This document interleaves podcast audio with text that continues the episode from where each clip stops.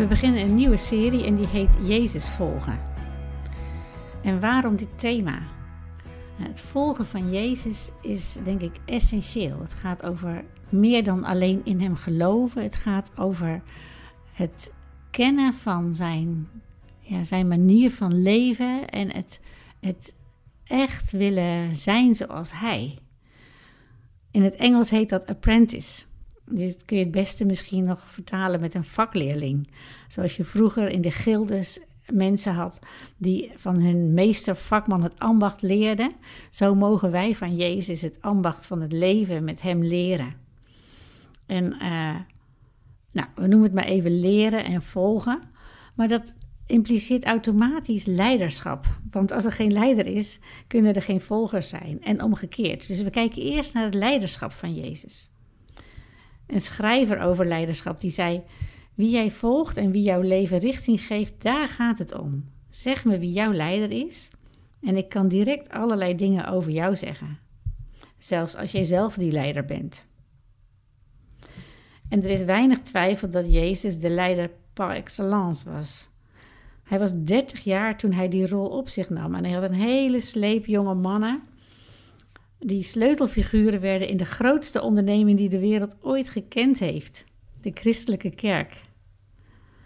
Jezus had de kracht van een militaire commandant en tegelijk de tederheid die kleine kinderen naar hem toetrok.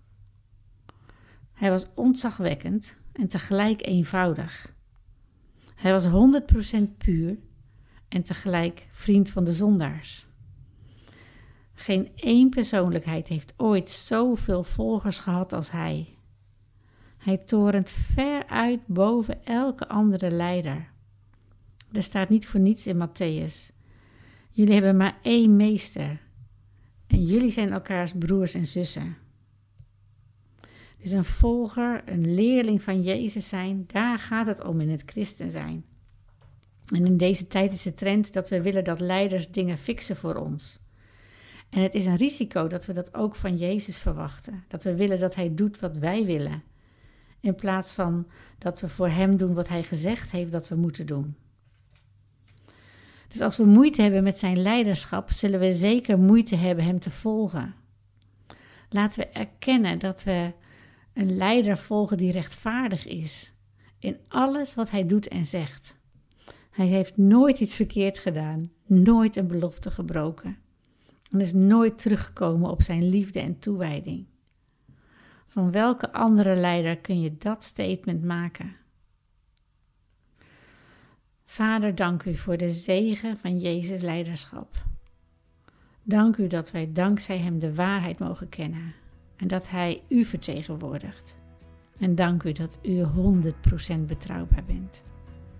Dwars door alle vragen heen, Heer, is dat ons fundament. We prijzen u. Amen.